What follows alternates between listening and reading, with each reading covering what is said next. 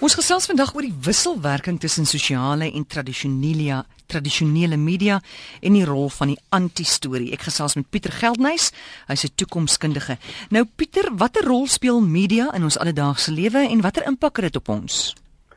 Amore moet besef dat alle tipe media, radio, uh, koerante, sowel as sosiale media, 'n baie belangrike rol het en impak op het op ons as mens, want dit skei 'n stof af van ons brein, die naam dopamien. Dis hoekom ons in die oggende 'n koerant lees of na 'n monitor luister. Want alles wat nuut is, alles wat humor het, alles wat musiek het, skei lei daartoe dat dopamien in die brein afgeskei word. Ek sien ook die die hedendaagse jeug wat nie van hulle selfone afgeskei kan word nie. En uh, ek dink ons maak 'n generasie groot van dopamien afhanklik is.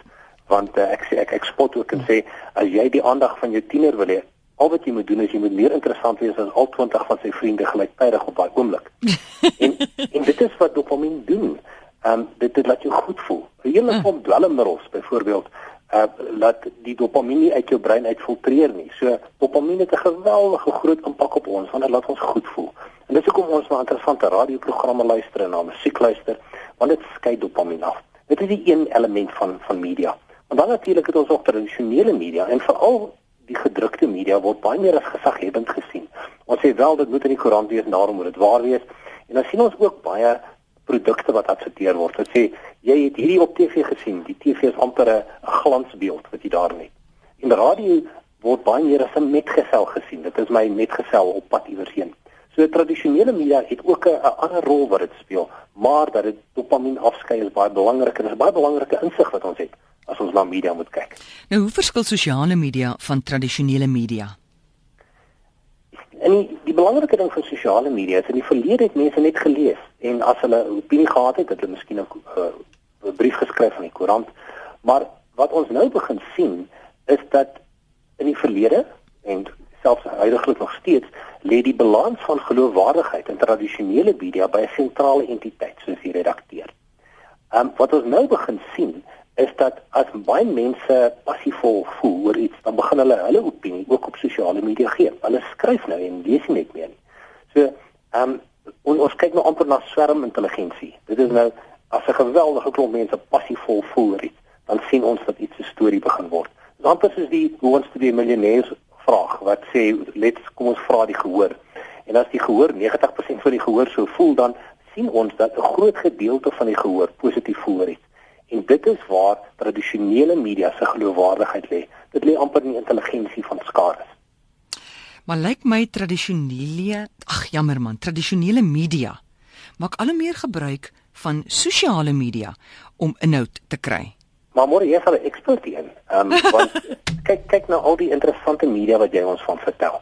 Byvoorbeeld die Rand Secrets video wat jy gesien het en jy vertel mense daarvan. Nou tradisionele media kan sosiale media gebruik om hulle stories te verryk. Jy praat van 'n video en dan stuur jy mense na 'n webwerf toe of na 'n sosiale media platform toe en daar kan jy na die video gaan kyk of na foto's gaan kyk. So radio kan eintlik sosiale media baie effektief gebruik. Jy kan natuurlik ook sosiale media gebruik vir die toetsing van opinies, monitor en spectrum, maak van Twitter en Facebook gebruik om te sien wat mense voel. Um en wat egter baie belangrik is, is die positiewe rol wat tradisionele media speel op sosiale media want sê maar daar is 1000 mense wat na hierdie video gaan kyk het. Nadat jy daaroor gepraat het, dan ver, vermenigvuldig die hoeveelheid kere wat mense daarna gaan kyk. So as iemand op 'n tradisionele media platform van 'n sosiale media video praat, dan sien ons 'n geweldige groot toename van mense wat daarna gaan kyk. So tradisionele media hand aan hand met sosiale media sien ons ongelooflike nuwe forme van kommunikasie wat ontwikkel. Maar is daar gevalle waar sosiale media tot nadeel van tradisionele media gebruik is? As ek twee weke terug hier in Suid-Afrika het ons 'n baie interessante gevalle studie daarvan gehad. Kyk in die verlede as iemand 'n storie in 'n koerant skryf en jy stem nie daarmee saam nie, het jy maar in stille samesyn het jy gemompel en gebrom en miskien met een of twee ander mense daaroor gepraat. Maar wat wat jy nou begin sien is dat hierdie stille samesyn nou vervang word in 'n vloedgolf van sentiment as mense werklik passievol oor iets voel en ons kan sien dat almal sê dis ek voel nie gelukkig hieroor nie en hulle begin hulle hulle self op sosiale media ehm um, begin hulle kommentaar daarop lewe. So twee weke terug het die Afrikaanse Dagblad hier in Suid-Afrika 'n storie gepubliseer oor 'n paar meisietjies wat 'n sogenaamde nazi solied gedoen het. En ek was toe geïnteresseerd daarin en ek het na die video gaan kyk en volgens die sosiale media kommentaar sê hulle dat hierdie joernaliste uitermate goed ontwikkelde verbeelding moet hê om enige nasie simboliek daarin te sien.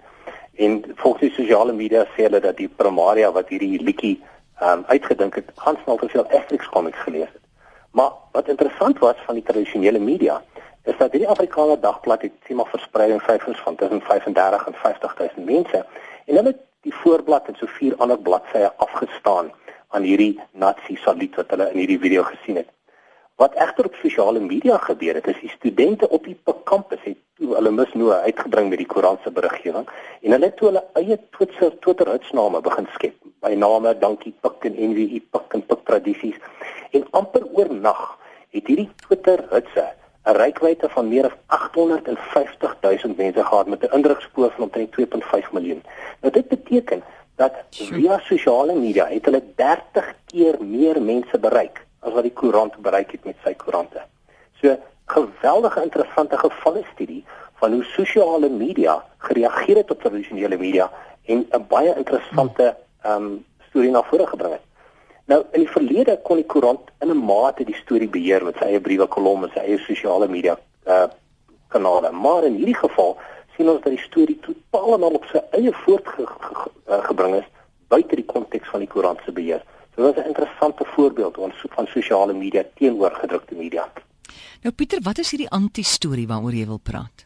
Kyk, 'n anti-storie is 'n baie interessante ding. Ons as mense doen dit baie ons ons sien dit egter nie altyd nie. Ehm um, in Suid-Afrika is daar byvoorbeeld hierdie versekeringsmaatskappy wat jou beloon met laer premies as jy versigtiger ry. En omdat jy nou laer premies het, is jy baie versigtig hoe jy ry. Wat dit beteken is dat baie meer mense nou oor rooi verkeersligte begin ry. Want die oomblik as jy hard rem trap, dan lei dit tot hoër premies. so hulle sit 'n stelsel in jou voertuig sodat jy veiliger moet ry en dit lei daartoe dat mense oor meer oor rooi ligte ry. En hierdie anti-storie wat ons nou begin sien het, is dat ehm um, in hierdie voorbeeld wat ek genoem het, het die anti-storie nou meer begin gaan oor die bevoegdheid van Afrikaanse koerant se redaksie as die storie self. En ons het gepraat van hierdie dopamienafskeiding, mm. die humor wat op hierdie tekste na vore gebring is, is was was fenomenaal. Um, ek het ek dink tot 2 die oggend geleen lag vir die kommentaar van 'n klomp studente oor wat hulle gesien het die die, die Afrikaanse koerant se volgende ehm um, opskrifte gaan wees. Party mense het gesê dit gaan die dat die volgende opskrif oor Illuminati simbole in die landslag gaan wees of dat ehm um, uh, daar 'n spesiale ondersoek gaan wees van verkeerskonstabels wat uh, die nasies sal doen as hulle karre stop. So wat ons begin sien is dat 'n geweldige klomp mense sosiale media begin gebruik het om hulle opinie te belig en 'n uh, baie interessante storie te skep in die sosiale omgewing. Uh, en soos ek sê, ehm um, 30 keer meer mense gekry het wat na die Twitter uitse gekyk het as na die tradisionele media. Ek het nou net kans vir 'n laaste vraag. Hoe kan ek my foon gebruik om deel van sosiale media te word? Kyk, dit is baie maklik. Ehm um, op al die nuwe fone is daar 'n Twitter ehm um, app wat jy kan aflaai. En jy laai dit toe eenvoudig af en jy registreer. En as jy klaar geregistreer het, kan jy dan op enige onderwerp wêreldwyd kan jy dan 'n soektog doen. Jy gebruik die HUT sleutel byvoorbeeld. So jy sê HUT sleutel en dan dan tik jy 'n uh, tema in. So as jy byvoorbeeld 'n uh, HUT sleutel wil hê oor die kragonderbrekings, dan kan jy sien wat mense sê van die kragonderbrekings wêreldwyd. So jy kan onmiddellik sien wat duisende ander mense sê dwars oor die wêreld deur eenvoudig net die HUT sleutel te gebruik op Twitter. 'n baie baie kragtige vorm van kommunikasie. Ons praat van die hitsmerker. Hoe klink dit vir jou? Dit klink na 'n baie goeie vertaling. Goed. Dit is nou vir die die hash, dis hash, die hashtag, né, nee? of net hash. Of die hekkie wat my. Die hekkie, die hekkie ja. Hitsmerker. Dankie Pieter. Alles mooi.